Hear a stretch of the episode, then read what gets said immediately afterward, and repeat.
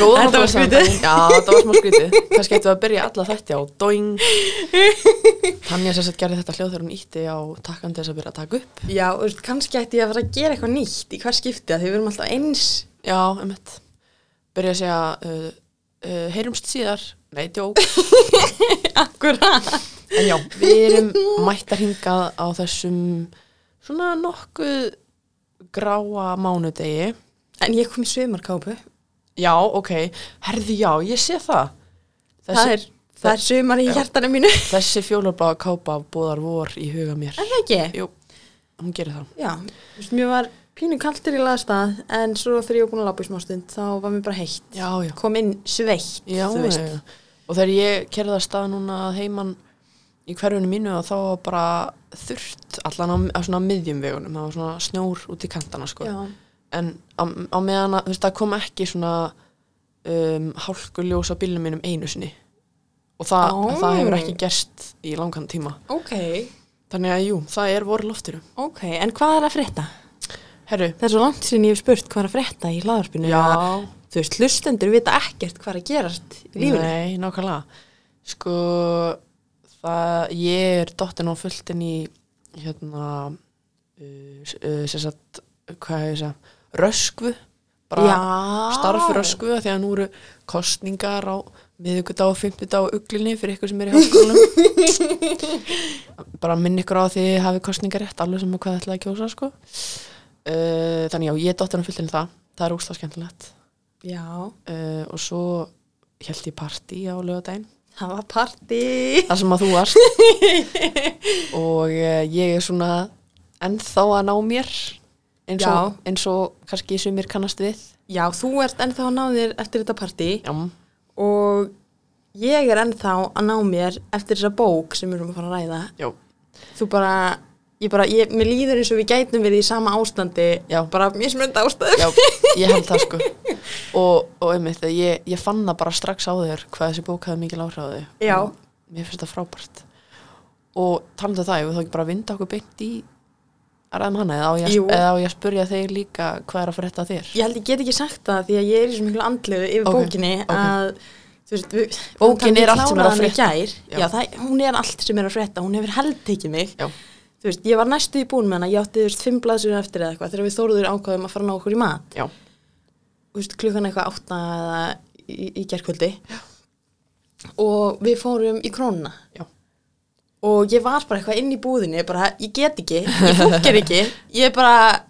ég er í, ég er í áfalli. Já Suma bækur eru svo leis og mér finnst einmitt svona að þegar við náttúrulega lásum og, og töluðum um Eiland eftir hann að segja Hagalín í þættinum Já, og svo núna, þú veist, þessi að hún alveg svona að, þú veist, hún getur virkilega bara terroræsað mann Já, án gríns Af því þetta er Ég svo, bara... og líka bara, ok dembir, dembum okkur bara í það að ræðina Já, Uh, við erum núna búin að skapa þá hefða að byrja að tala um kápunar ég segja að við höldum því áfram mér finnst það hún bara- er sjúlaflátt Ógeðslega Ertu að spauga Já. Ég bara, og mér finnst þetta töff sko að því að um, sem sagt sko fyrst kom út aðna hvað heitir hún um, ég held að það veri fyrsta bókin hennar sem er eitthvað svona með einhverju svona trúarlegu ívafi nei, hún er nummer tvö Eiland er fyrsta er Eiland fyrsta? Svo heitir hinn, hinn heila orð þinn heila orði, já Ég held alveg örgulega hún sé nummer tvö jú, já, jú, mér finnst það það meika sens um, en hérna, já, sem sagt Eiland kemur fyrst út og, þó, og uh, fyrsta kápan hennar er bara svona alveg blá og svo svona eiga í, f- í fjarska Já. svo kemur heiði heilaga orð og það var eitthvað svona Svo kremað og eitthvað Já, eitthvað svona- Líkill eða eitthvað jú, eitthvað svo leis og svo kemur þessi og þetta er bara, þú veist, kápan fyrir eldana Já. upprunalega og svo eru hinar tvær endurútgefnar í sama stíl Ó, ok, næs já, þannig að þá er sko Fyrir Eiland safnara Já, nákvæmlega. og þá er þú veist, Eiland svona blá með þessari ljósgulur Já, yfir já, eins og já. eldarnir og hefði heila orð svona kremuð eða svona grá kremuð einhvern veginn með þessari ljósgulur rönd. Já, Og mér finnst þetta svolítið töff sko. Mér finnst það ógæslega töf og þú veist, mér fannst það, þú veist, hefur alltaf fundist það Já. og eftir að ég kláraði bókina Já, þá horfi ég á hana og ég fyllist svona þú veist, næstuð í ótta, skilur, ég fæ svona Já. hrylling inn í mig af að horfa á hana en samt á svo góðan á Já, nei, ég skil nákvæmlega hvað minnar uh, og sko, það sem að er allan að mínum að þið eiginlega langmerkilegast við þetta skáldverk og þá leggja áherslu á skáld Já. sem kom út Já. þú veist, er, 2020 Já. í þú veist, haustið 2020 já, það er bara málið að það er að hún kemur út haustið 2020 og eins og glöggir hlustundur kannski muna þá byrjaði skjáltarinnan sem að varð til þess að byrja að gjósa á Reykjaneskaga mm -hmm. hún byrjaði ekki fyrir en sko í hvað februar 2021 Já, ég, af því að sko ég, Veit ma það ekki ég, ma ég man hvar ég var þegar fyrsti skjáltin já, eða annað sem maður fann fyrir sko mm -hmm. kannski ekki þessari minnstu sem að, sem að mælarnir pikk upp að þá, það var þegar ég var hérna þetta var fyrsti dagur minn í vinnu á bókamarkaðunum á lögadalsalli já. og ég var inn í þú veist bygginguna sem það er sem er þú veist, undir stúkunni á lögadalsvelli rísastórt bara svona s- rísastórt steift húsnæði já. og rosalega hátt til loft og þú veist bókahillur skilju og allt í hennu byrjaði bara alltaf að skjálfa og við vorum bara shit að því að líka þú veist það hefði alveg einhverjar hillur bara geta já, þú veist, dottið eða eitthvað en það, það kom sem betur fyrir ekki fyrir og þú veist, ég held að það hafi ekki einu svona dottirinn að bækur úr hillum, Nei. en á meðan ég vann það þá, þá voru þessi skjáltar alltaf að koma og maður fann svona mismikið fyrir þeim og sko pappi er líka að vinna mann ekki svona á hvaða hæð en mjög hátt í svona glerhísi já, og, oh þegar, my god já, og þegar þetta, þessi skjáltar hérna var að þá sko, þú veist, hú, húsið í rauninni svona vaggaði Já, oi, oi, oi, Já. oi, oi Ég einmitt. og það var ein ætla kona aldrei að búa í háhísi Nei. Aldrei og það var ein kona sem er að vinna með honum sem að ég held að hafi bara frekar unnið heima af því henni- hún var svo sjóveik hann leiði svo illa, oh my, Já. Vá. algjör viðbjör sko. og Það er papp, crazy. pappi var bara, pff, hvað er þetta alveg sama en já, þannig að sko, eins og við rættum í þættinum um Eiland að þá, Já. það er svolítið svona what, þetta er smá COVID-legt eitthvað, Já, uh, en samt kom svo bók út hvað, 2017 eða, já 16. Þú veist, fyrir 2018 allavega myndi ég segja já, allan að lungaðurinn að COVID er Já. bara eh, bara, já En mér finnst þetta eiginlega meira creepy Já. af því Þetta er svo stutt á þér Já, og, og einmitt sko k- veist, hún, hún kemur út hana rétt fyrir og líka sko það sem er líka svo ógstaða creepy, einmitt að það er svo stutt á milli og líka þetta er alltaf verið að segja þetta er það sem mun rétt okkur af eftir faraldurinn Já af því það gerði það bókstala og, Ángríns og maður, er, maður er svolítið bara svona þú veist, Ah. Og sko, fyrir þá sem að eru ekki búin að lesa bókina já, þá fjallar þetta um að það byrja fullt af jarðskjáltum á Reykjaneska já, og svo kemur gós einhver staðar, þú veist, rétt út, ú- utan við Reykjaneskaðan fyrst og þú veist, svo kemur hérna svona hvað hva, kallaði þetta, túrista gós bara eins Já. og gerðist í rauninni já, svona ferðamannagós já, svona flæðigós sem Já. er ekki, ekki mjög hættulegt sko uh, eða þú veist með við annað en samtala hættulegt já um, en já, hérna og hún talar alveg um Fagradalsfjall já, í bókinni og ég er bara eitthvað, já. oh my god Þetta, er, veist, þetta er svo fáránlegt sko. og líka bara, veist, ég hefði viljað vera með Sigriði Hagalín þegar fyrsti skjáltin kom já, Af því að hún hefur verið- oh my god að því að sko, ok ég er einlega orðin smá sannfæð um það að Sigriði Hagalín hafi gert samning við djöfulinn hafi bara selt hann um sál sína eða eitthvað og viti bara, þú veist og, að því að, og líka sko eins og fyrir hérna, eða sem sagt þú veist, þeir sapgestir sem koma á bókasamnið að það er alveg þú veist, það var alveg svona djóka þegar var að gjósa og fólk var að koma og taka þessa bók já, þá voru alltaf eitthvað svona eitthvað svona, þú veist vonandi verður næsta bókin að Sigri Halín um hérna, starfsmann á bókasafni sem vinnur í lottó og við vorum alveg við vorum alltaf að djóka með þetta sko og þú veist, þetta er úrslega að finna því að líka bara svona hvað ætla hún sé að skrifa núna Af því að hún er örugglega bara smá hrætt við að þú veist, skrifa næstu bók þú veist, he, að þetta er alltaf raungirast Hefur einhver tekið viðtal við hana og þú veist, boraði í heilan hennar um þetta veist alveg pottit sko en ok, málið er samt að við áttum okkur náttúrulega, eða allan að ég og ég gera það fyrir þú líka, áttum okkur fyllilega á því að þú veist, e, þetta þú veist, eldgós á Reykjaneska er búið að vera yfirvofandi í hvað, einhver 800 ára eða eitthvað skilur og ég meina, þú veist, ástæðan fyrir hún ég er að skrifa þess að bók, ger ég ráð fyrir er bara því hún er örugglega, þú veist, heyrt einhver staðar, já, ég minna, þú veist, hún er fréttakona og, já, já, já, já. og er að umgangast fólk á uh, veðurstofunni sem að klítur að koma að þessu og, Já. og þú veist, hún, hún er að umgangast fólk sem að sennilega er að pæla í þessum hlutum já, já, já, já. Og, og ég mitt sko með við Eiland sem er svo mikið svona hvað ef, skilju já, þetta er líka algjörst þannig dæmi en þú veist, og ég meina þessi bók hefði geta komið út hvena sem er og fjallaði um þetta og eitthvað, já, en það sem er bara svo ótrúlega styr hvað, þú veist, að þetta gerist einmitt sko eftir að COVID byrji en samt áður en að byrja að gjósa já Þú veist, þá, þetta, þá lendir þetta í svo rosalega miklu samhengi einhvern veginn mhm, og maður verður bara svona að því að líka ég var alltaf að gleyma því að því ég sem sagt hlustaði á hljóðbókina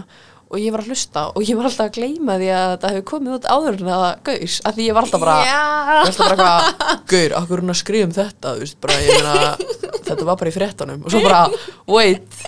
þetta kom út áður en að byrja að gjósa en þarna sko þú veist, hún, hún er miklu raunverulegri finnst mér heldur en Eiland já, þú veist, Þa, það er ekkert eitthvað svona dularfullt í gangi hérna, þú veist, þetta er allt bara hlutir sem að eru bara háar líkur á að myndi gerast, eða Já. háar, þú veist, miða við það sem gerist í Eilandi, sem Já. er pínu svona, þú veist, yfir náttúrulegt næstu því, já, skilur við emmitt og, og ekki yfir náttúrulegt, en þú veist Nei, hvað ég en- meina já, svona, emmitt, bara svona dulafyllt já, einhvern veginn en- það er engin útskýring Nei, en hérna er þetta bara, þú veist, þetta er bara jarðvísindi já, akkurat um, og hérna, já, og þú veist, já, ég held að við hættum að tala um hvað þetta er ótrúlegt af því að við, ég held að sé að þetta er búin að ná því og það vita allir. ok, og En- nú, þú veist nú verð ég að fá að tjá Já. mitt andlega áfall Já. yfir þessu öllu saman Góð, sem að átti sér stað bara á, þú veist, örgulega síðustu 50 blaðsíðunum Já. þetta, þetta er ég ætla, ég ætla að líka þessu við fyrir þá sem að hafa lesið sjálfstætt fólk sko eð- allavega mín upplifun á henni var að þú veist, hún var bara fínskilur bara grípandi bók og svona en hún var svolítið hæg, þú veist, það var ekkert mikið að gerast Já. og svo bara búm síðasta þriðja hlutan var bara, fór alltaf fullt Mhm. Já. og maður bara fór í tilfinningar úr síbanna og eitthvað, það er þessi bók líka Mhm. já, og ég bara nei, ég, ég upplýði skelvingu og, og sorg og maður bara allt, allt já, sko veginir fara bara allt inn í sundur það bara, það bara springur allt aha, og hún segir einhvers staðar þarna ég veit ekki, rétt fyrir miðja bók kannski er eitthvað að pæla býtu ætli sér í þessi stórt kvikhólf undir öllum reikineska já. og það reynist bara að vera rétt hjá henni Að Þetta er ekki að tala um þegar hún líkir þessu við júgurinn á, á Jú. kú. Akkurat Já. Og hún er bara eitthvað að keira Mhm. Og svo bara hjú, Vegurinn er bara horfin og Hún er bara ofan í hólu Mhm. og, og svo vaknar hún Og það er bara komið sprengigos Þú veist, af því að það kom risastór sprunga Sem náði allega allega vatni Já. Og hverfið sem að hún býr í Er við allega vatn Mhm. Og hún er bara eitthvað, oh my god, börnin mín, maðurinn minn Ástmaðurinn minn Mhm. Allir menniti mínir. og, og þú veist, hún kemst í bækistöðina þannig hjá skóarlíð og þannig er bara eitthvað, fjölskyldan mín ég verð að finna þau og allir bara eitthvað, nei, þú veist, það er bara allt í kaos og þú veist, þú getur ekkit farið það, það er allir farnir, þú veist og þú veist mér langar bara að tæta eitthvað og svo, eh, þú veist, kemst hún í samband við Rauðakrossin og þau bara eitthvað, heyrðu þarna, maðurinn þinn er búin að skrá sein hérna í, í fjöldahjálparstöðinni og sonur þinn Já. og svo er skráð, þú veist, ein tínd kona sem var hún Já. og hún bara eitthvað, thank god, thank god og svo bara, og ein eitt barn tínd og ég bara þetta sleit úr mér hjartað Ástrós Aha, sem er sér litla stelpan hennar já, en hvað er hún salka? Já, og maður bara, oh my god, ég held að það væri allt í lagi, ég held að það væri allt í lagi.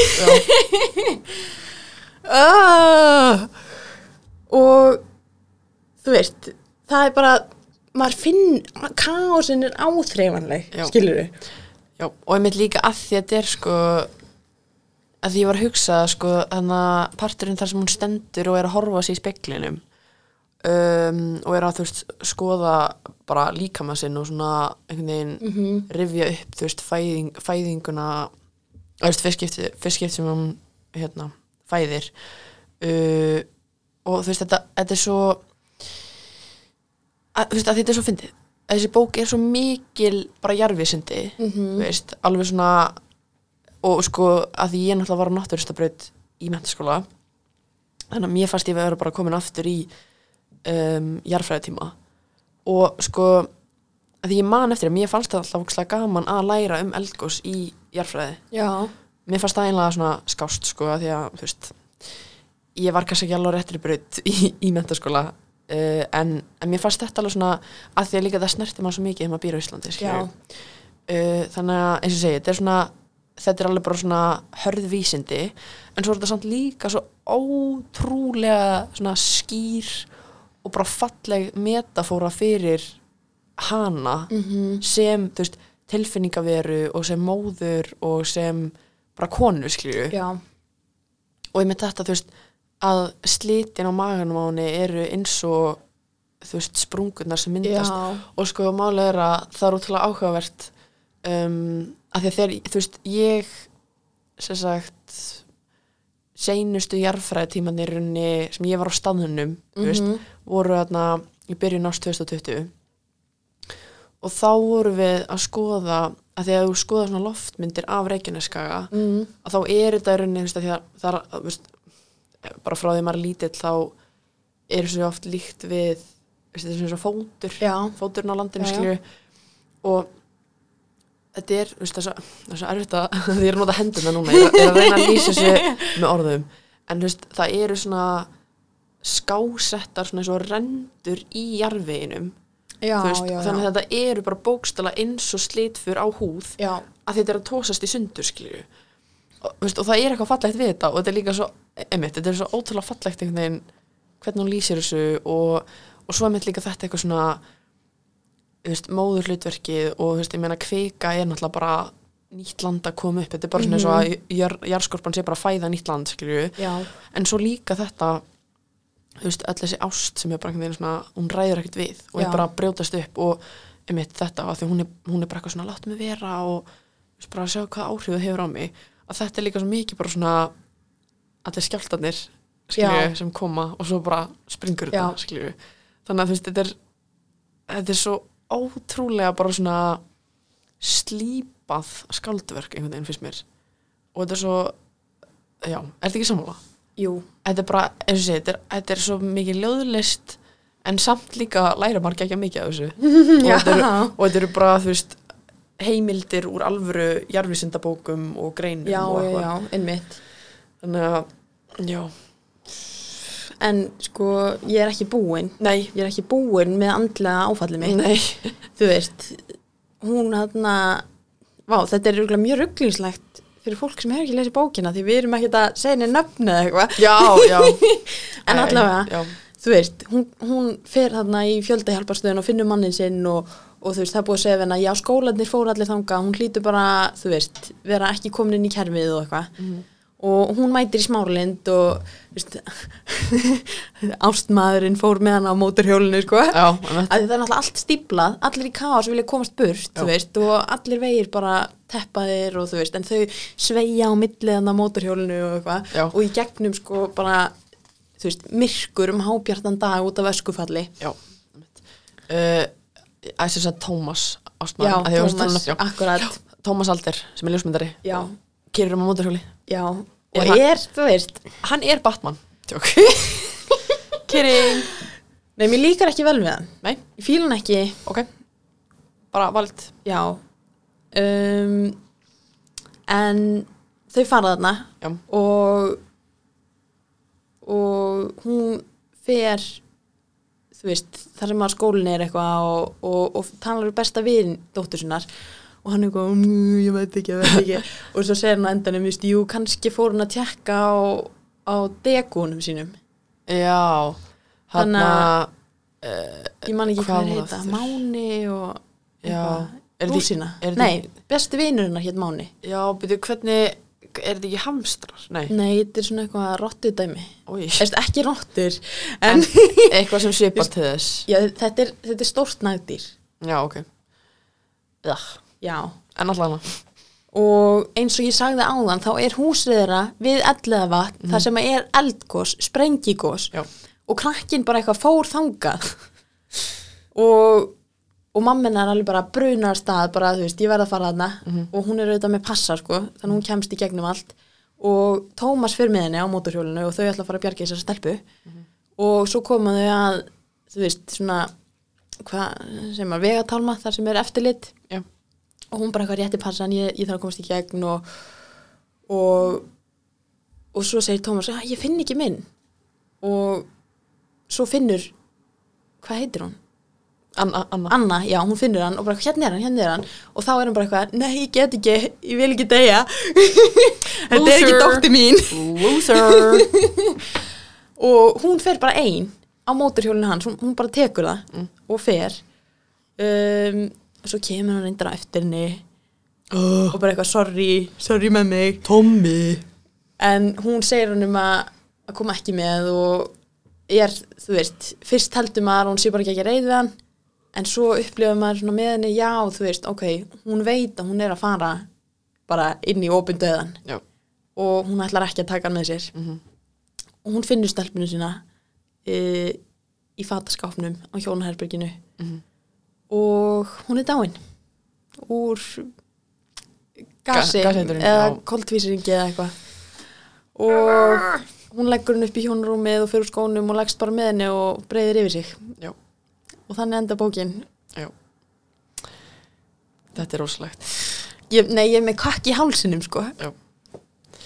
og, og þú veist ah, og líka bara svona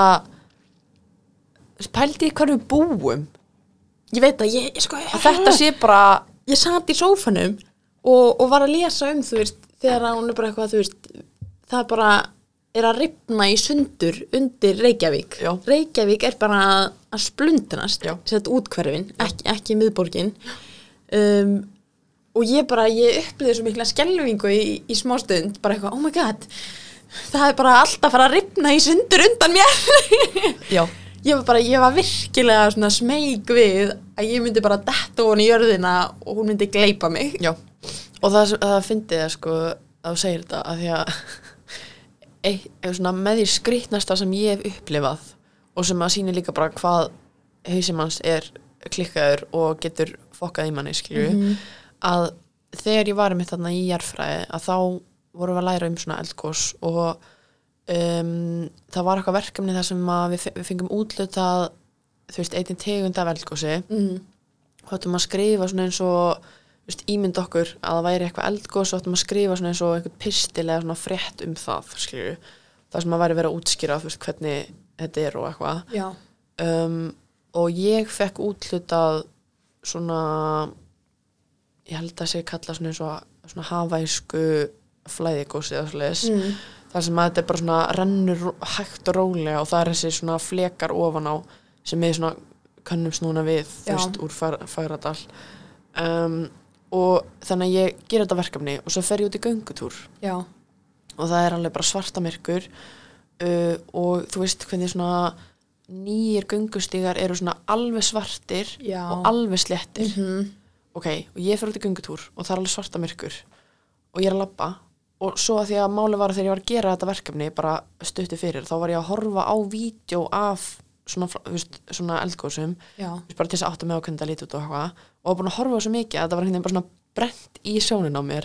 og svo fer ég út og labba og allt í henni finnst mér eins og göngustíðurinn sé, þú veist, fara og ferð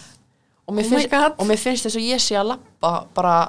í, bara, þú veist, kviku skilju já. og þetta var svo creepy að því að ég var að labba og, það var, og ég var svona farin að kippa ósælótt öðrum fætinum upp og, og var alltaf svona, mér leiðis ég var alveg að fara að rasa og fólk er alltaf haldið að ég væri bara á ykkur skilju, en þetta var svo ótrúlega raunverulegt bara fyrir fram mig að mér Já. fannst bara svo að þetta væri bara á ferð já, og þá var ég bara, oh my god, þannig að ég byrjaði bara að lappbúksla röskla og leita ekkert niður, horfði bara bytta áfram já, skilju. oh my god en þetta er svo creepy og þú veist og sko líka bara það að vera í jarðfræðitímum er líka bara eiginlega smá fokking steikt afsakjárblæði af því að þetta er bara svona þú veist, það er svo margt sem maður veit ekki og eitthvað sem gæti bara gerst skilju og líka bara svo, þú veist, jarðsaga er sko, að sita í jarðsögutíma kl. 8 að morgun og kennarinn spurði hvað er fyrir utan allt þú veist, af því að það er skilju, kenningin um að heim- heimurinn sé alltaf, alheimurinn sé að uh,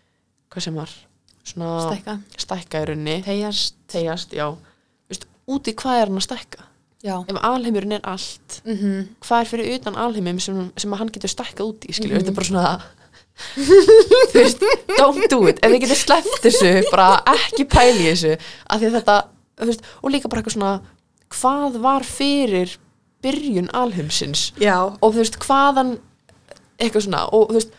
hvað erum við já, og líka bara eins og, eins og í þessari hérna bók að þá einhvern tímann segir ég held að þessi annað sem að segir eitthvað svona þú veist, þúsund ár eru eitthvað 80 kynnslóðir af mannfólki já, sem að okkur finnst mjög mikið skilju Mhm. en sko þúsund ár í jarðsögunni er ekki neitt það er ekki einu svona augnablík það er augnablík úr augnablíki mm -hmm. það er bara ekki neitt uh, og, og líka með sko eins og þú veist 80 kynnslóðir þú veist, ok, meðan við manneskina þá finnst okkur það mikið en meðan við önn, að, aðra lífverur þá Já. er það bara geggja lítið já, og það er einlega smá ef við vandra hugsa um flugur eða eitthvað já, og það er einlega smá vandralegt hvað við lifum lengi og hvað við fjölgum okkur rauninu lítið Af því að, nei, ég veit það og, þú veist, og ég meina að því að sko fólk er van, svo vandi að hugsa, þú veist, já, þú veist offölgun mannkynsins og já, við erum alltaf mörg og eitthvað en þú veist, við erum í raunni það er einlega smá fyndið að við lifum í hundra ár mm -hmm. þú veist, svona næstu því og þú veist, að því ég meina það eru, það eru lífverur sem að bara lifa kannski bara í nokkar daga já, og bara fjölga, þú veist, það er bara drrrr, skilju, mm og við erum bara eitthvað, þú veist sko, þrjár kynnslóðir á hundra árum er bara það er bara rugl, skilju já, þannig að, já, bara svona smá pælingar út í, út í Jesus kosmosi sko. þetta er svona og þetta er líka svolítið fyndið mitt sko, að vera með náttúruvista bakgrunn úr mentaskóla og vera núna í hugvísindanámi já, af því ég er bara svona ég er að hugsa of mikið um tilveruna mína þetta, þetta er ekki gott fyrir mig sko. já, Uh, en, en á ég segja þér það allra sorglegasta já, þú veist, þetta var alveg sorglegt en ég gleymd að segja eitt og það var að hún ætlaði að ná í stelpuna sína og fara með hann að skoða eldgósið þú veist, hún ætlaði að taka hann úr skólanum Mm. Já. ef að, ef að það væri allt í lagi skiluru, ef það væri ekki yfirvofandi ástand já, og hún gleymdi því og, og fer bara sjálf að gósinu og hún bara eitthvað, þú veist ég ætlaði að taka hana með já Mm. uh, þetta er bara, þetta er stærsta hvað ef ég hefði Já, Sigurður Haglín var bara um, hvernig get ég látið fólki líða sem verst akkurat, svona já, Uh, og svo sko líka að því að ég ætla bara að halda áfram að uh, kvelja ykkur með bara hugleggingum Já, um hvað er með þér? hversu steikt til okkar er, til okkar er. að máli er að um, hún, móður mín Já, er í sem sagt, svona neyðarstjórn Mm. í, í okkar sveitafélagi já, og situr oft fundi með öðrum neyðarstjórnum um viðsvegarum höfuborgarsvæði já, uh, þannig að ég hef svona fengið smá smakk af, af svona hvernig svona dæmi er rætt þú veist, eins og Mhm. hana í miðstöðin í skóarlíð þú veist, Já. hún hefur setið fyndið þar hlæðis og einmitt, þú veist, að ég sko það sem er að fyndið er að fyrir mörgum árum, ég man alltaf eftir þessu sko, fyrst er hún byrjaði í þessu að þá, hérna þá var ég eitthvað svona, já, hvað mamma, þú veist, hvað er þeim að tala um Þú veist, neyðarstjórn, skilju, hvað er það sem getið komið fyrir mm -hmm. og hún eitthvað svona fer að tellja þetta upp og ég bara, ég bara hlóa þér af því að ég var svo ógislega næf af því að hún eitthvað svona, já, þú veist til dæmis ef að það væru, ok, ég var nú kannski ekki alveg að hlæja að því en þú veist, bara allir með sem það væru hriðiverka árásir já, eða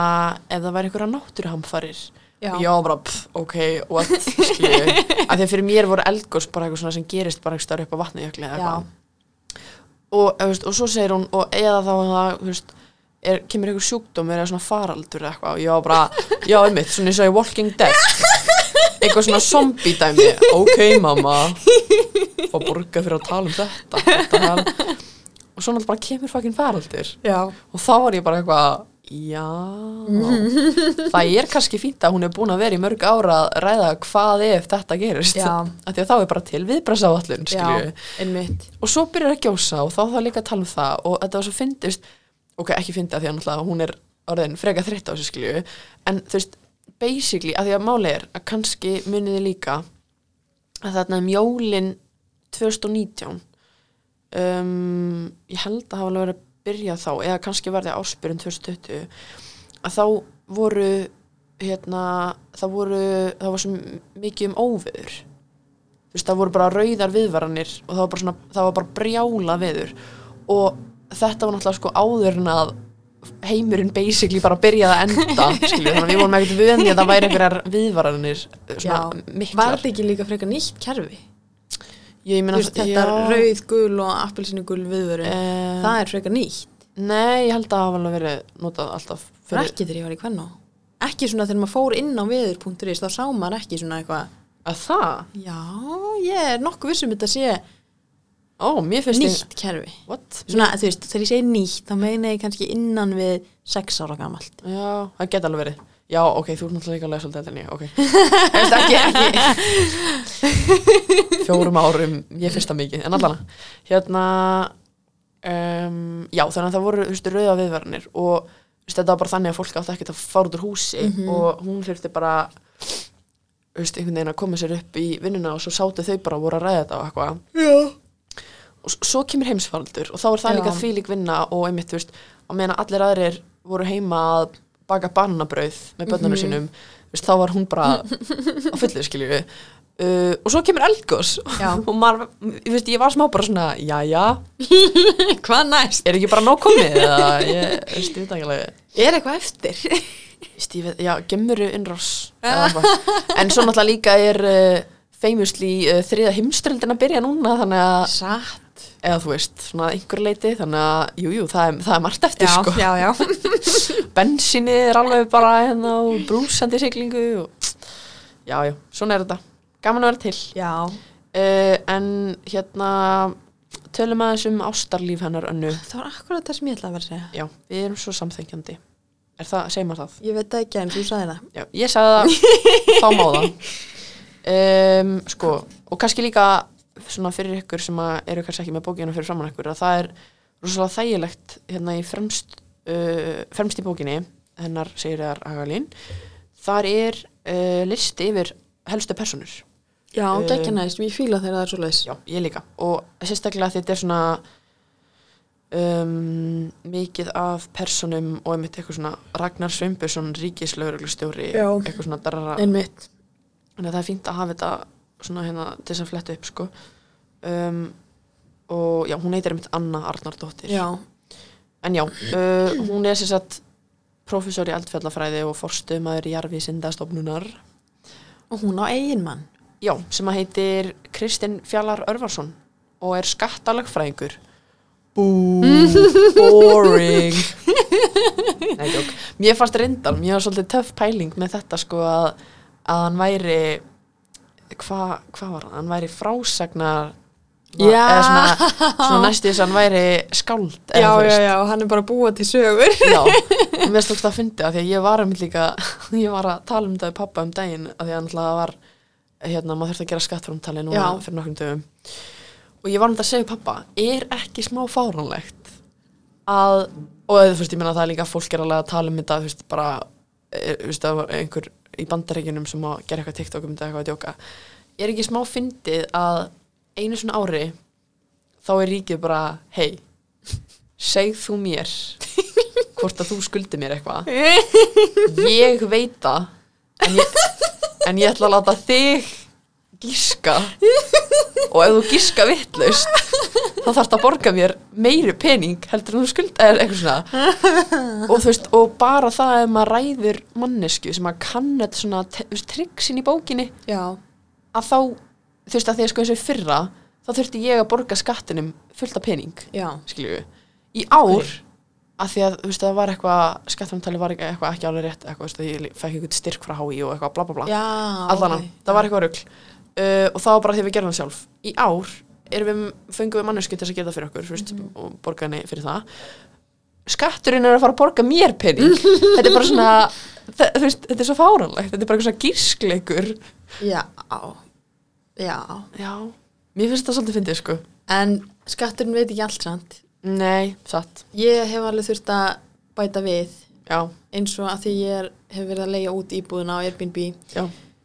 Ég skil reyndar ekki alveg, ég þurfti alveg að skil inn svona eitthvað skýrslu um það en það kom ekki inn á skattframtalið að sjálfum sér nei. Ég þurfti að setja það inn sjálf wow, whack Já, Jók. Uh, en já, ástalífi hjá henni önnu. Hún, eins og þú sagðir, er gift uh, skattalagfræðingnum uh, Krist, hvað er maður, Kristinni. Kristni, Kristni. ég veit það ekki Kristinn Trú. Nei, það er hann heiti Kristinn, eða maður hennar. Uh, og þú veist, eins og ég- bókin byrjar á því að þau eitthvað svona vakna saman upp í rúmi og eitthvað svona hvað það er, þú veist,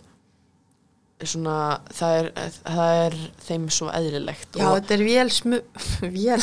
Vél smurðu vél Þetta er vel, vel smurðu vél Já, uh, Já Og þau, þú veist, og hún talar um eitthvað svona elsku maðurinn minn og þau er tvö bett saman og það er hvað, Örn sem er eitthvað 20 og eitthvað ára 23 eða 4 eða eitthvað sem að vinnur í svona álveri Já og ætla svo að fara út, út í skóla að læra leikmyndahönnun Til Ítalíu Já, mikið rétt uh, Mamma gekk ég ósátt með það og ég bara eitthvað hvað er að þér Já, ég er nefnilega, ég átti smá erfitt nefnilega með að samsama mig önnu Já, uh, að því hún er svona mikil vísindakona já, og sko, ok, ég skildi ég skildi alveg mjög vel hérna þegar hún er að segja Tómasi frá því að þú veist, að þetta jarfisindin eru hennar skaldskapur, mm þetta er að, þú veist, þetta er öll fagufræðin sem hún þarf í lífinu já, en ég var samt líka smá bara svona gjala þú veist, ert að djóki í mér það er hérna maður á mótorhjóli sem er bara eitthvað það koma bara romsur upp úr honum bara eitthvað svona ljóðlist og þú er bara bro, that's whack I love stones og maður er bara, ok, flott annað þú veist cool uh, já, þannig að ég átti alveg smart með að hvað hún er svona rosalega röggþengjandi einhvern veginn já, líka að því að maður, maður upplifir svo mikla þversögn í hennar personu einmitt að því að hún er svoleiðis segir hún, þú veist, hún er að segja söguna Mhm. og um leið og hún segir manni ég vil bara blákaldar staðrendir og ekki draugl já, þá er textin í bókinni svo ótrúlega ljóðrætn og Já. ríkur að maður svona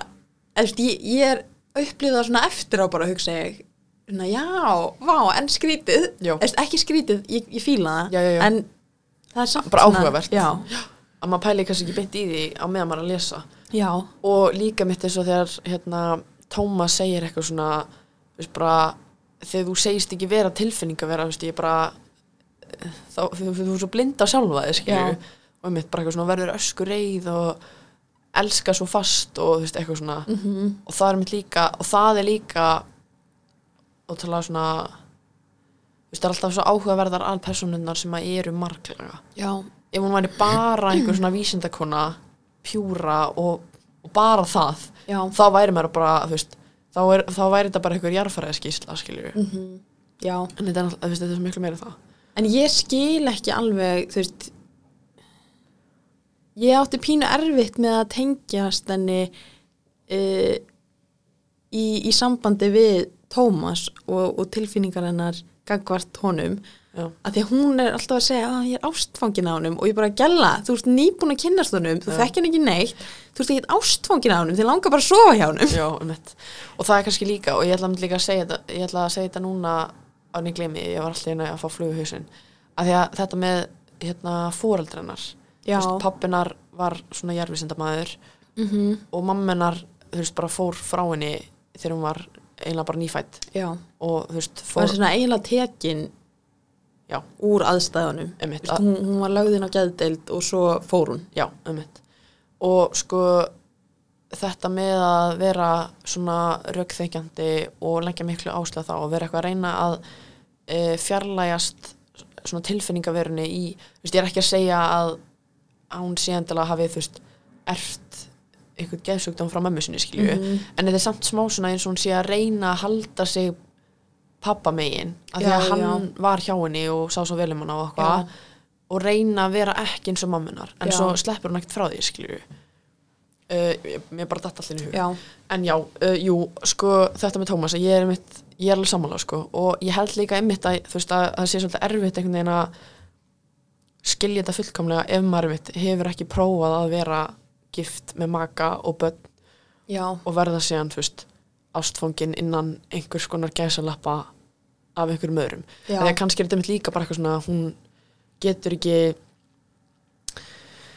Vist, ég held að hún átti sérlega á því en hún vill ekki viðurkenna fyrir sérlega sem hún er kannski ekki teka fullkomlega hamingsum Mhm, í þessum lífstil sem hún lifir skilju já, og þetta er svolítið svona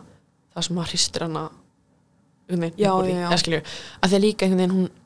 það er eins og hún svona tengir svo mikið eitthvað svona ó, börnin mín og, og þú veist eins og að lífið hennar sé bara svona þú veist n- bara, eh, k- þú veist, kassi með fjórum 90 gráðu hótnum já og ef að hún tekur eitt kaup út að þá hrinja allt mhm, en ég meina þú veist, fólk skilja alveg maka og já, það er allir góð með börnin og já, eitthvað svona skilju Einmitt. Vist, þetta er svona, hún er svolítið að- að rík halda og það er mitt kannski líka að því að hún vill um, búa eitthvað til sem að þú veist, ég veit ekki, hún fekk ekki í æsku eða eitthvað, veist, þetta er eh, það er margt í þessu skilju mhm, en þetta er samt alveg svona þetta er samt líka svo áhugaverð umgjörð fyrir sögu um eldgós já af því það er, þú veist, maður heldur að jarðvegurinn sé alveg heill undir manni já, maður getur ekki ímyndað sér að allt í hennu bara ripna hann í sundur og maður bara detti onni, skilju en þú veist, það er samt líka alveg svona það er svo mikil líking fyrir bara þetta, allt í hennu bara eitthvað svona býtu, kannski kannski er þetta ekki eins heilt undir mér og ég held já eða eitthvað, En ég held sko að þú veist, auðvitað hef ég aldrei gengið í gegn neitt í líkindum við þetta Nei. og þá meina ég tilfinningalega ekki, ekki eldgós og svona þú hefur vist gengið í gegnum það Tanja Rasmussen en mér líður oft eins og þú veist og og ég fann það mjög start frá eiginmanninar Mm. að fólk áráslega erfitt með að vera reynskil og ég hef talað um það áður hérna Mm. að fólk er eitthvað svo smeykt við að segja hvernig því líður já, og eins og þú segir, það er bara eins og það sé einhver heimsendir já, það er engin heimsendir nei Þú veist, það er erfitt, ég er ekki að segja það mm en maður heldur samt áfram að vera til já, það er engin að fara að deyja nei og, Já. og ég ok, sorry, þetta var, þetta var ljótt held en, þú veist, og, og það að að hún er að fela tilfinningar sínar Mm-hmm, það er, held ég bara alltaf að fara að gera hlutina miklu verri já, og það að hann eiginmaðurinnar segi þú veist, við skulum reyna að vinna úr þessu og er svo bara alltaf að ásaka hann á eitthvað Mhm. þú veist, það er heldur ekki að fara að hjálpa Nei, af því að það er líka bara eins og svona þú veist, síkt sár sem að heldur áfram að drepa vefin út frá sér eða skilju, og ég mitt líka bara eitthvað svona klísi um það að þú veist að hérna um, sem sagt, ef að þú veist fóreldarnir eru óhamingi samir þá geta börnin ekki verið eða Já, skilju, ef þetta já. er bara inn á heimilinu mm -hmm. þú veist, börn sjá allt í rauninni, mér líður eins og ég hafi ætlað að svona vinda þessu upp að einhverju já, nú er ég búin að gleyma hvað þetta eitthvað var já, já þannig að nú er þetta bara þú veist, komað nú út Já. engin tilgangur, Já, eða þú veist kannski kemur að, kem, kannski kemur að tíðin já, eftir. kannski um, en já um, hvað getum við meira sagt um, það, þessi, það er náttúrulega verið endurst að tala um þessa bók sko. ég held að vera líka alveg áhugavert að hérna uh, að því að núna er svona að riðja sér hvað sem er, riðja sér til rúms mm. svona umhverfis bókmyndafræði eða þú veist svona hérna, það er endar kannski meira í samingi við lofslagsbreytingarnar og svoleiðis já, bókmyndir sem eru skrifaðar einhvern veginn út frá því og í kringum mm Mhm. þá svoleiðis en þú veist, ég meina þetta eru náttúru hamfarir já, skilju og s- mjög skýr metafóra fyrir eitthvað annað, ég held að vera alveg áhugavert að að skrifa einhvers konar rítgerð út frá þessu skaldverki sko já ok, ég, ég held ég sé komið með ég veit ekki hvort þetta var það sem ég var að hugsa á þann ok, en skjóttu um, það fór alveg í taugarnar á mér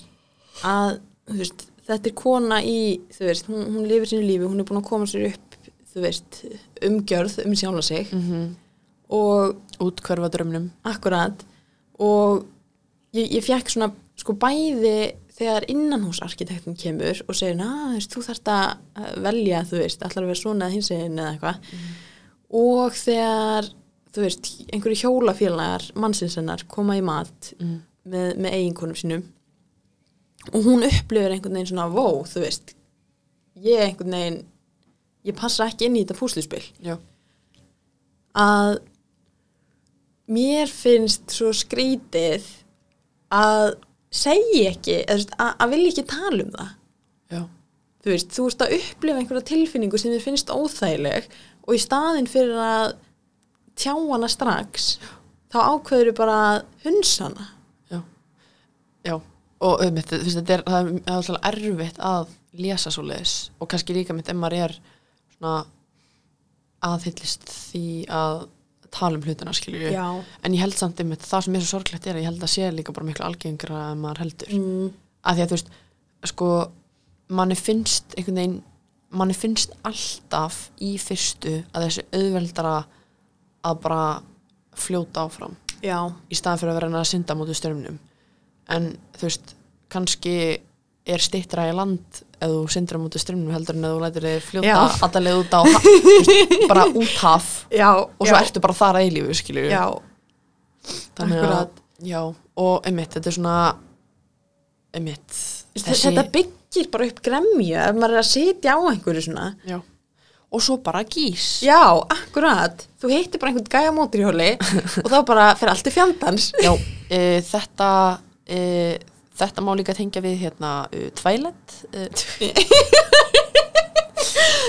Sorry Ah, segðu mér, segðu mér, segðu Ég- mér. Nei, ég bara æ, ég, þú veist, þegar þú sagðir og hittir einhvern gæja mótur og leiði bara hérna hver, byrju, hvað, hvað segir þetta Jacob hana, eitthvað, Bella, where the hell have you been, Loka Mást ekki eftir því, þegar hann er á mótorhjólum með síða hárið í fyrstu myndinni Ah, nei, Jæja. ég man ekki eftir Nei, þessu. ok, þetta er frækt atrið, já, mér eru glengur að núti tengja við þetta Jú, þegar hann kemur með pappa sínum, þú veist, með bílinn sem að hún er að fara að Nei, fá. það er, eða jú, sko, þ- ok, jú, sorry, Þa, það er þá sem hann segir þetta, sko Já. Þetta er svo fyndin setning og það er líka fólk sem hefur sko landið prentið þetta á bóli Já. Bella, where have you been? Mér Loka? langar í svona ból. Ef einhver á svona ból og vil selja hann, þá er ég tilbúin að kaupa. Já, ég listu vel á Mér finnst þetta maður að byrja að ganga oftar í tvælandbólum Já. Ég, þú veist, ég á engan tvælætból. Ekki endur uh, En já, svo er, svo er sko setna í myndina sem að hún fer heim til hans og þar er hann á mótorhjólinu og- já, já. og svo náttúrulega líka frækt aðtriða sem hún fer á mótorhjóli með honum Akkurat. í, hvað er það, þriðmyndinni þegar Já. Edvard er bara búin að beila á kjáluna og hún er bara eitthvað uh, ég er með sjálfsæðingar kvöt Nei, það er nummer tvö. er það með tvö? ok, jú, emitt, New Moon Já. mikið rétt, ah, við erum með, við erum með þetta alltaf reynu sko ef að ef að það eru endursýningar á þessum myndum Í bíó? já, í bíó, þá myndi ég mæta ég líka, sé hvað ég veist, ef það væri eitthvað tíman svona Twilight Marathon í Bíóparadís já, já, það var sko, það var þannig hérna uh, fyrsta sunnudaginn á árinu bara annan janúar eða eitthvað já. þá var marathon í Bíóparadís á Lord of the Rings myndunum já ok, Hún er næs svona örlítið siðfáðara uh, marathon en það var samt sko á Directors Cut uh, en býtu, myndunum keifti maður það miða á allar myndinar og sat þarna allan daginn Já. Mhm. oh my god, geggjað já, þú veist það var náttúrulega alveg pása á milli og Já, þetta fá já, sér já. þú veist að borða á bjór og eitthvað sko Já. en jú, þú bara þú bara eittir heyrum degi þetta og ég menna þú veist, fyrsta sunnudaginn á árinu maður er ekki að gera neitt að viti Mhm. Nei. skilju uh, en sko þú veist, ok, þvælætt myndnar eru vissulega fimm, en þú veist, og Lord of the Rings bara þrjár en þetta var samt, en, þetta var samt direktorskött af Mhm. Já. hver mynd sem að ég er alveg þær margir, eru langar fyrir já þannig að þetta geta alveg já. kannski þurfum við bara að senda tölupost á biopartis Já, kannski. uh, og við getum verið með hérna, getum verið með svona, þú veist, eins og svona sumir sem gera, sem er með hlaðverf eru með svona live show Já, og það getur verið Twilight Marathon Twilight Marathon listarinnar og lífsins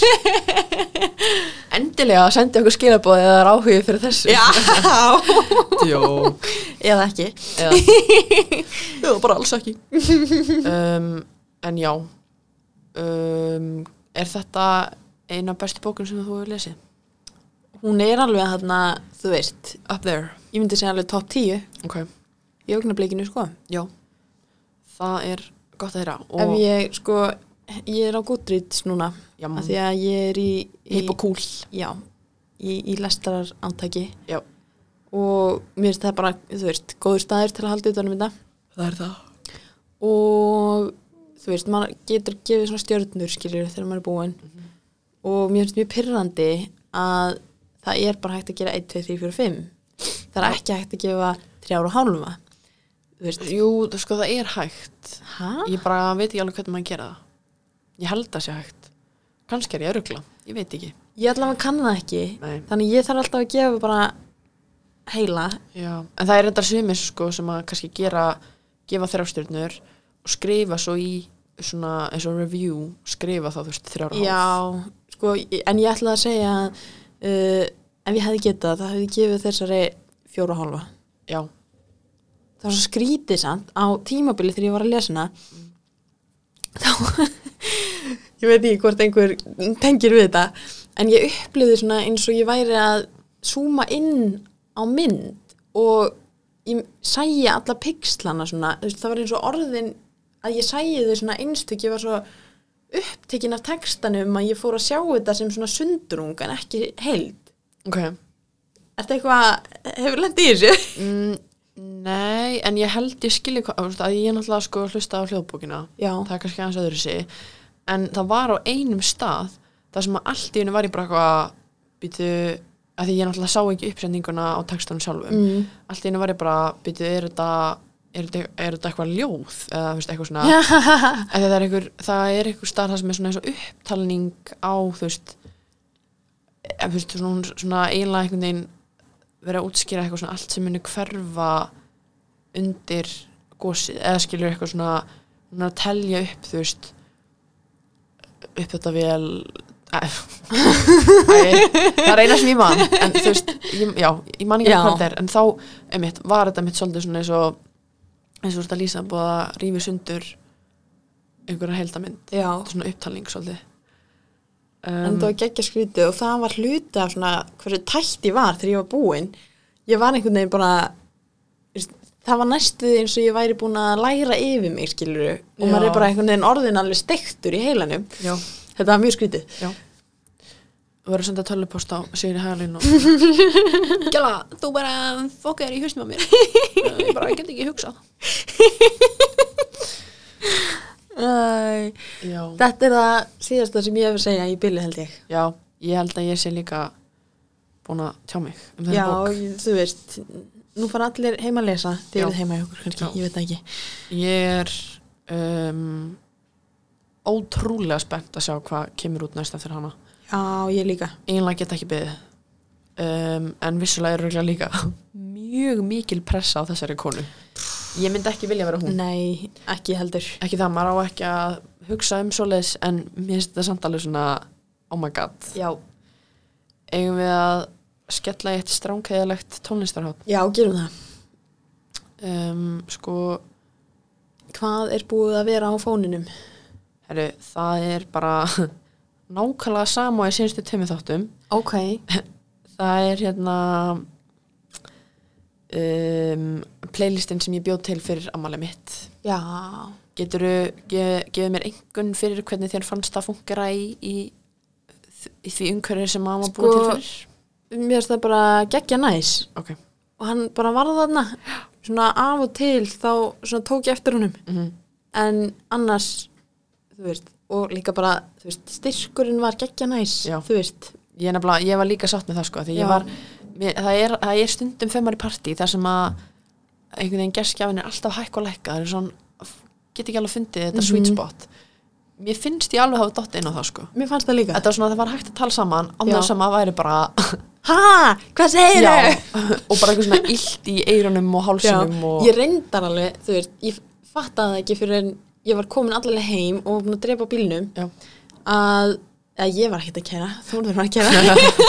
eins gott um,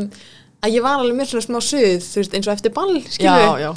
Ég bara, ég fattaði það ekki fyrir en það kom svona alveg þögn já, maður finnur það oft sko. Já, og einmitt meira þess að þó að það hefði ekki verið tónlist bara þú veist, já, Allir að tala, sko. já. En það var einhvern veginn, sko, þú veist, mér fannst ekki vera kliður, Nei. mér fannst ekki vera læti nei, en ég reyndar, þú veist, ég var þú veist ég, ma, ég allavega, ég persónulega fer alltaf svona upp og niður í hvað ég þóli mikið áreiti já, ég líka og ég var alveg bara þú veist, það var hátt Já. ég, ég þóldi mikið Já, áreiti ég, ég líka, af því að sko kvöldinu áður þá fór ég í partí uh, á Keks Hotel já, sem að röska á með já, uh, og þar mitt var ég, ég bara, þröskuldurinn var bara einlega eins lára hann hafi verið í sko Já. rosalega langan tíma og ég var svona alveg að ærast, það var Já. svona einlega fólk var alveg að koma til mig og spurja bara er, er alltaf lægi, Mm. af því ég var bara einhvern veginn í ykkur urglinu og svo Já. þannig að kvöldin eftir þá bara það snerti mikið neitt sko, ég bara, ég var bara góð sko já. um, en að sjá, ég verð nú að finna eitthvað meira krassandi heldur en bara þessi þessi playlisti minn Já. sem ég er alltaf að tala um á meðan þú finnur það, þá ætla ég að segja að ég er búin að vera að hlusta mikið á svona róandi tónlist ok, bara eitthvað svona, þú veist skilur bara hljóðfæri og bara eitthvað mjög svona fljótandi og bara svona svona kjarnandi tónlist skilur já, ég, ég var, þú veist, svona mjög meðvitið um það að ég væri að fara í partí Mhm, og ég ætlaði ekki að þú veist, ég, var að, ég var að reyna að- að byggja upp innan þröskuld með því að vera í svona frekar rólega ástandi og hlusta á rólega tónlist og svona þannig að ég væri ekki eitthvað svona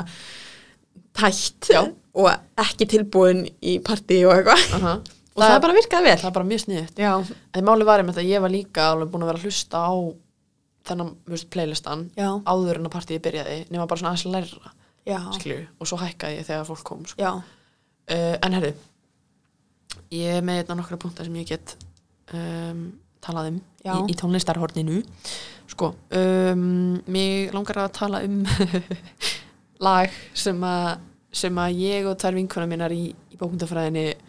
erum hérna miklir aðdöndur af og þetta er sko, ok, lagið sem sagt heitir Tímarnir okkar ok, eftir sprengjuhöllina og þetta er sem sagt Berguröppi ok Já, hann er að syngja er það að syngja? Já, því að hann var í þessari hljómsveit sko. já, ok, ég vissi ekki hann þetta, er sko, þetta er sko Snorri Helgason Bergur Eppjós, ég veit ekki alveg hverju hinnir eru en öruglega algjörum mestrar um, Þetta er sett lag sem heitir tímanir okkar og það er fyrst, ok, ég verði eiginlega bara að spila svona fyrstu tvær línunar Við höfum nú talað um Bergabæ í þessu hlaðarpi áður þannig Já. að ég gerir ráð fyrir að hann væri ekkert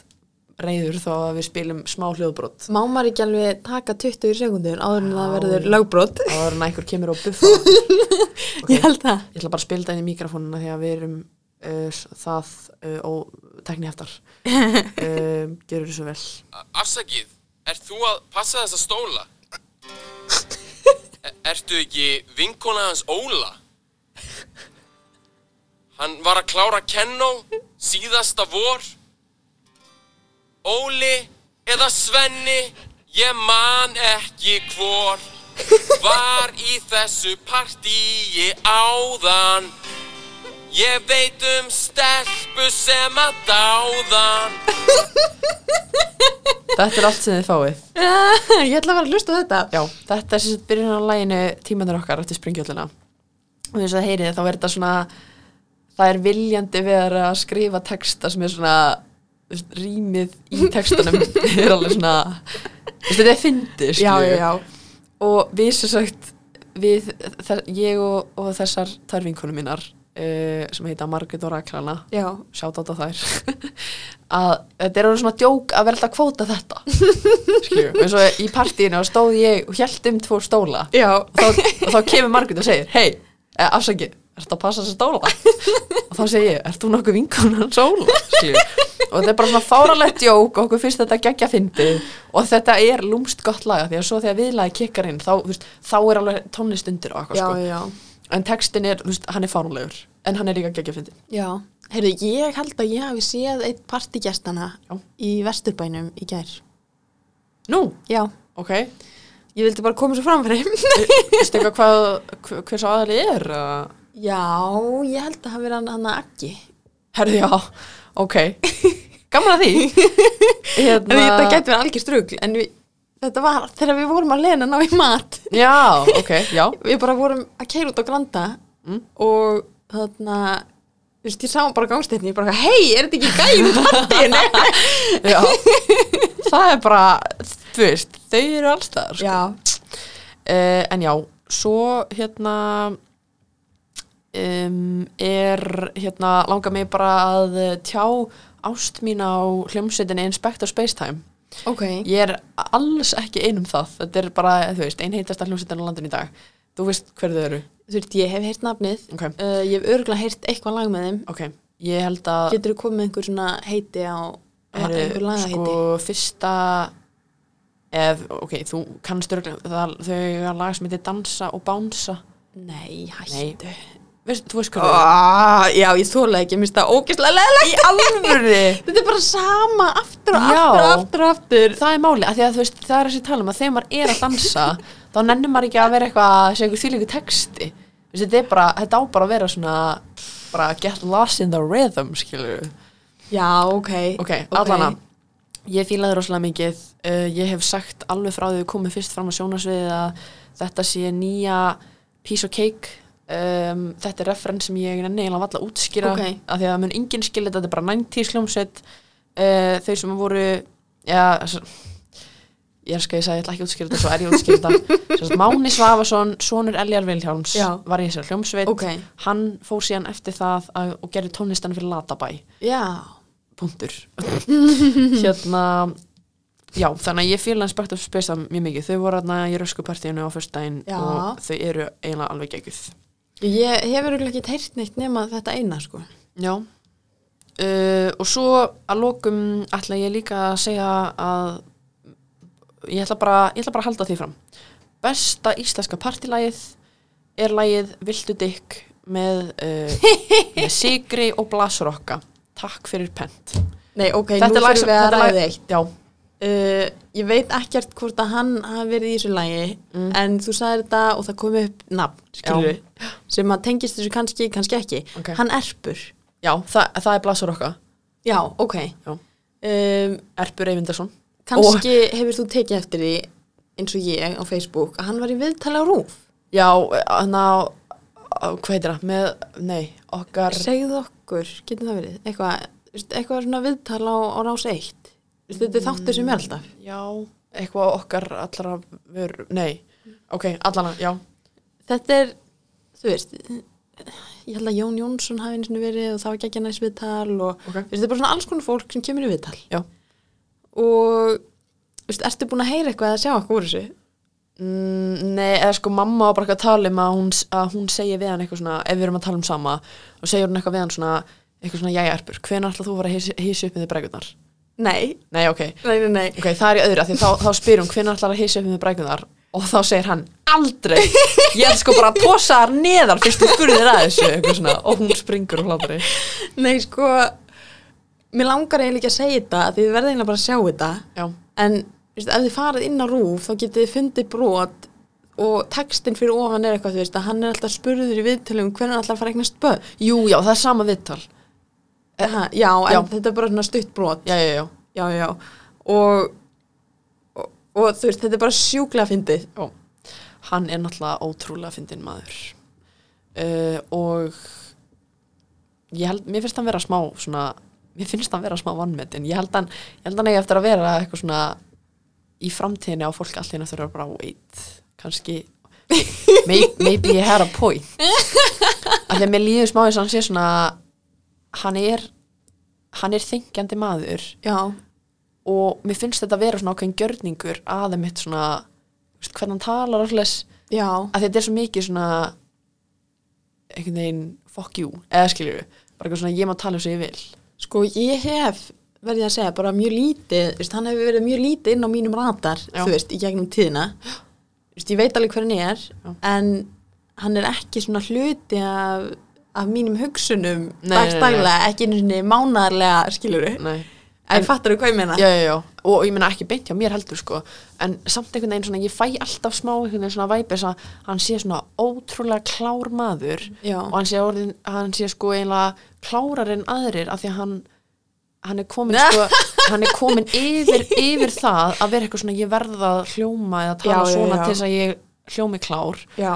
hann er komin yfir það, skilju já, hún er bara alveg sama já. og uppáhals uh, uppáhals hvað ég sagði, kvóti mitt frá honum er ef þú var ekki gamall kall þá myndi ég buffa þig uh, og hér með ætla ég að ljúka þessi tónlistarhóndi Já, og eh, er það ekki bara kjör eða... komið gullkott vikunar Og ég ætla að segja að það sé ekki berja gamla fólkið. já, Ekki missi ykkur. nei, einmitt uh, verið þið góð við hvort annað, öll dýr í skóginum eiga að vera vinir það er eitthvað sem pappi minn hefur sagt við mig frá því ég var lítill Er það? Svo horfði ég á dýralífstátt um daginn þar sem uh, ísbyrnir voru að uh, reyna að borða uh, litla kópa bara selabönn og ég var bara bro, ég held að all dýrin í skoðunum ætti að vera vinir Og hvernig þú að enda á þessu? Já, ég ætla að enda þessu uh, Já Ok, Eigið- Hafið það gott. Hafið það gott og við heyrumst næst